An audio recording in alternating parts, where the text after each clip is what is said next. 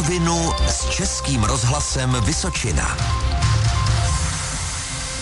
Dobré odpoledne. Je poslední neděle v měsíci a vysíláme pořad na rovinu. Milan Kopecký se bude ptát svého pravidelného hosta, hejtmana Jiřího Běhounka, nestraníka v barvách ČSSD. A na co konkrétně? Probereme témata, která vás zajímají. Podíváme se do sociálních služeb a také na krajský rozpočet a nemineme ani opatření kolem sucha, i když je venku pořád sníh. Vítám vás, pane hejtmane. Dobrý den všem. Na rovinu. Posloucháte Český rozhlas Vysočina a pořad na rovinu. Pojďme na první téma do sociální oblasti.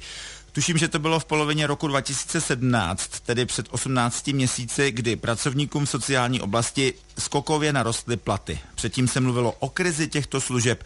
Řada lidí eh, odešla dělat něco úplně jiného právě kvůli nízkým platům. Přetrvává ta zmíněná krize, pane Hitmane? Tak nestalo se to v polovině roku 17 jenom. Ty platy rostly postupně od roku 2014. Je pravda, že ten nárůst nebyl takový jako v jiných odvětvích, to znamená, že se nám stávalo, že nám zaměstnanci odcházeli třeba do hypermarketu a dalších provozů, kde ta částka eh, byla znatelně patrná a vyšší. Eh, v roce 16 a 17 se podařilo navýšit o 3 tisíce v průměrné mzdě a nyní dosahují pracovníci v sociálních službách už 25 tisíc a e, sociální pracovníci s vysokoškolským vzděláním už se dostali na průměrnou mzdu 35 tisíc korun. Když si vezmete, že v roce 2014 u těchto vysokoškoláků byl tarif 14 tisíc a nyní je 24 tisíc a u těch předchozích byl 9 tisíc a dneska je 16 tisíc, tak je to velmi významný posun a zachránilo to velké množství pracovníků. Věnote si, že v sociální službách v kraji pracuje 3950 lidí. Kraj Vysočina zřizuje řadu domovů pro seniory a řadu dalších sociálních služeb.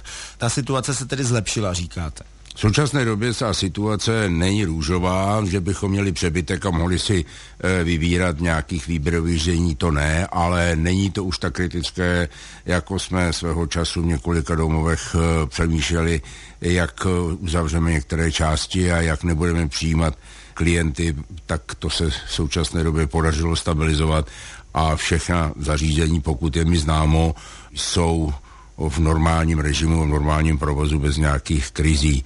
Věřím, že se to bude i nadále, nadále stabilizovat. Jak to bude dál? Porostou stále platy pečovatelkám obsluze v domovech pro seniory? Tak my věříme, že stát zohlední všechny tyhle ty zájitosti a uvědomí si, že bez financování zaměstnanců žádné provozy, do kterých vkládáme nemalé částky investičně, stavíme nové, nová zařízení, nebudou fungovat. Takže věřím, že i v dalších letech se nám podaří, pokud to budeme vyjednávat, alespoň nějaké další zvýšení eh, v případě, že to bude nezbytně nutné prosadit. Ze sociální sféry pojďme k penězům, respektive ke krajskému rozpočtu. Jak dopadl rok 2018 na Vysočině ve vašich číslech? Už to víte. Tak nevím, mě líto, že opakuju stále to samé, ale myslím, že na to můžeme být hrdí od roku 2001, kdy vlastně se sestavoval rozpočet a další roky kraj Vysočina, pokud je mi znám, ani za kolegy Dohnala, ani za kolegy Vystrčila, ani za mě neměl schodkový rozpočet. Vždycky jsme dokázali ho připravit tak, že jsme se vešli do toho, co jsme získali. V současné době stavíme rozpočty velmi, velmi uvážlivě a končí to většinou přebytkem, eh, který samozřejmě použijeme. V letošním roce odhadujeme, že bychom eh, mohli mít eh, přes půl miliardy korun, které můžeme použít na fond strategických rezerv a dalších akcích. A vy ten přebytek musíte spotřebovat? Nemusíme ho spotřebovat, můžeme ho použít na nějaké sanace třeba nových staveb nebo tohle, ale kdysi se tady domluvil Fond strategických rezerv, což jsou peníze, které si vlastně odkládáme jako sami a ty můžeme používat na předfinancování evropských a dalších projektů. Nemusíme si půjčovat za e, nějaké úroky v bankách a tak dále a máme tam peníze, se kterými můžeme pružně reagovat. Máte ještě nějaké další záměry, do kterých byste ty peníze případně vložili?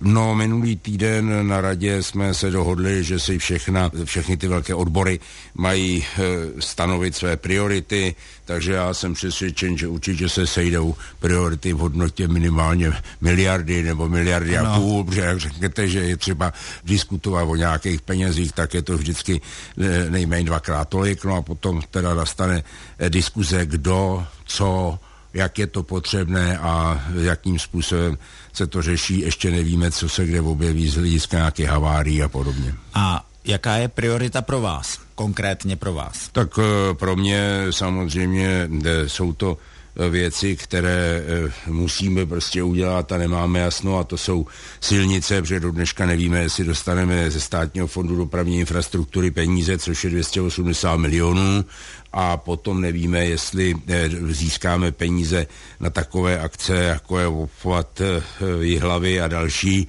Já osobně preferuji rekonstrukci těch silnic, aby jsme je doplnili navíc. Letos si myslím, že bude taková ta typicky trancovací zima, když se střídá mráz, voda, sníh a ty silnice, když si je projedete, tak v určitých místech už začínají mít díry. Myslím si, že se to musí eh, opravit víc, než jenom zalepit. Znovu si ještě neodpustím jednu svoji, řekněme, tradiční otázku. Dokážete si představit, že z toho přebytku přispějete na ten uh, už několikrát zmiňovaný zimní stadion tady v Jihlavě? My jsme se setkali s vedením Jihlavy, informační schůzka, abychom se vzájemně poznali, položili jsme si na stůl některé e, otázky, které bychom společně chtěli řešit. Dnes, dnes pochybňuji, že mezi tím i toto a až kolegové zpracují tak, jak bylo řečeno, programové prohlášení Rady města a někam budou tu aktivitu směřovat, tak se o tom budeme dál zcela konkrétně bavit. A změnilo se z vašeho pohledu něco? Z mého pohledu se nezměnilo nic. My jsme připraveni v případě, že to bude nějakým způsobem celokrajský mít dopad, eh, se o tom bavit. Podporujeme e, aktivity sportovní nebo budování sportovních stánků i v jiných městech, tak jsme připraveni to podpořit, ale představa, že to bude jedna polovina nebo jedna třetina v hodnotě 300-400 milionů, je myslím e, milná, to říkám pořád dokola. Na rovinu. Tady je Český rozhlas Vysočina a pravidelný rozhovor s hejtmanem Jiřím Běhounkem. Pane hejtmane, letošní zima je poměrně štědrá na sníh a sníh je voda, která v přírodě akutně chybí. Vycházíme prosím z průměrných čísel, že ještě nejsme na konci zimy, nicméně lze říci, kolik vody se v úvozovkách doplní v naší krajině právě díky těmto vydatným srážkám. Nedělejte si moc velké iluze. Jestliže posledních pět let nám e, ubejvalo vody a chybí v podstatě 430 mm srážek, což je téměř jeden rok na Vysočině, jeden rok, jako kdyby tady nepršelo, tak eh, to, že teď ve sněhu asi tak třikrát tolik, jak normálně bývá, vody v tom sněhu, tak vidíte, že to otává a tak dále. A druhou věcí je, že e, ty spodní vody, které byly poměrně značně postiženy, se nestačí doplnit tak strašně rychle, musí to pomalu postupně otávat. Takže je to šance, aby takové sucho už nebylo. Je to věc, která mě velmi potěšila, ovšem, že by to vyřešilo e, všechny problémy, to nepočítejme. Pravda je, že z 33% naplnění třeba Hubonevské nádrže, kde už jsme hledali nějaká krizová řešení, jsme se dostali už na 8 až 49 až 40% to teda není zatím žádná hitparáda, ale já věřím, že ještě nějaký sníh a nějaká voda přijde takže s tím eh, jednotlivá povodí velmi reálně nakládají. Já k tomu ještě přidám, že obecně všechny přehrady jdou nahoru, například Želivka Švihov a podotýkám, že je to informace stará 14 dnů, vystoupala o 20 cm a další miliony kubíků vody do ní stečou, až roztaje sníh. Jaká opatření chcete přijmout v koordinaci se státními organizacemi a úřady právě směrem k těm přehradám? Tak přehrady mi asi řešit nebude, to je komunikace, kterou vedem s povodí Vltavy a s povodím Moravy je pravda, že vodohospodářská opatření, pokud se na krajský úřad eh, jeho e, přenesenou působnost výkon státní správně do obrátí se snažíme dělat pružně, ne byrokraticky a na to je třeba za těm jednotlivým úředníkům e, pochválit. Ovšem na druhou stranu jako je spíš důležité hledat cesty, jak zadržet vodu v lese, v polích a tak dále. Vy už jste to zmínil, sucho trápí také lesy a je možná ještě větším škůdcem, než je ten mnohokrát zmiňovaný kůrovec. Kůrovec je nakonec důsledkem sucha, kdy se strom nemůže bránit a líkožravému hmyzu podlehne. Co máte v letošním roce konkrétního v plánu kolem kůrovce? My se kůrovci věnujeme dlouhodobě. Eh, hledali jsme eh, řešení z hlediska spolupráce s státem, protože sami o sobě to řešit nemůžeme ani lesáci. Myslím si, že ta myšlenka, která teď se rozpracovává, to je, že stát podpoří o sazování eh, sazenicemi třeba smíšených typů, že my podpoříme, když, se, když to bude možné, eh, školky, aby bylo dostatek výpěstků a tak dále a tak dále na místě. Nyní se diskutuje reálný postup a proces, to znamená, že by se ty souše nechaly stát, aby se zbytečně nezatěžovala tato oblast těžbou, z toho už tý souše ten brouk nevylítne, budou prý připraveny nějaké zóny, no a hlavně zásadní je, že se nám podařilo přesvědčit eh, ministerstvo a věřím, že i eh, pana premiéra celou vládu, že každý jeden majitel, protože u nás jich je velké množství na Vysočině 22 tisíc, má nárok na to, aby dostal nějakou podporu. Já nevím, jestli to bude na hektar, nebo jestli to bude na další nějaký pohled, to znamená místo třeba, nebo jaká je to zóna, ale fakt je ten, že jsou kroky připraveny a my jsme si v, v, v rozpočtu nechali rezervu 100 milionů korun, které bychom rádi e, v případě, že to bude domluveno uvolnili, ale záleží na tom, aby ten postup byl koordinovaný se státem, abychom nepostupovali proti lesním hospodářům a proti e, záměrům, který stát má. Na rovinu. Stále posloucháte Český rozhlas Vysočina a rozhovor s hejtmanem Jiřím Běhounkem. Máme před sebou poslední téma Brexit. Patrně si říkáte, že to žádnou souvislost s Vysočinou nemá. Týká se to ale firem, které obchodují s partnery na britských ostrovech a týká se to obyvatel, kteří tam pracují. Situace kolem odchodu Spojeného království z Evropské unie je značně nejistá, hovoří se ale o takzvaném tvrdém Brexitu bez dohody, který by zpřetrhal všechny obchodní, celní a vízové vazby. České firmy by pak nemohly pokračovat v obchodování chování, tak jak byly léta zvyklé, lidé žijící nebo pracující v Británii by se patrně museli vrátit. Obrátil se na váš úřad už někdo s dotazem ohledně Brexitu? Ne, nikdo se na náš úřad neobrátil a já si myslím, že naše veřejnost velmi pozorně sleduje situaci.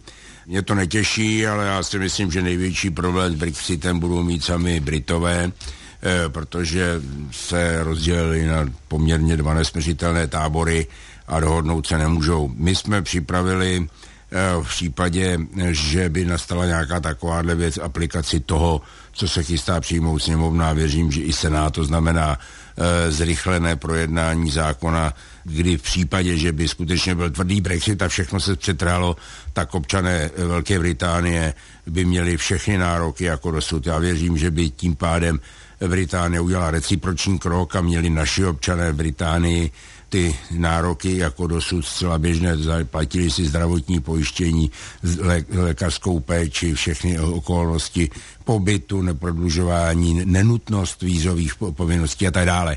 Jinak pokud se týká firm, firm, je to skutečně věc, kterou nedokážu já odhadnout.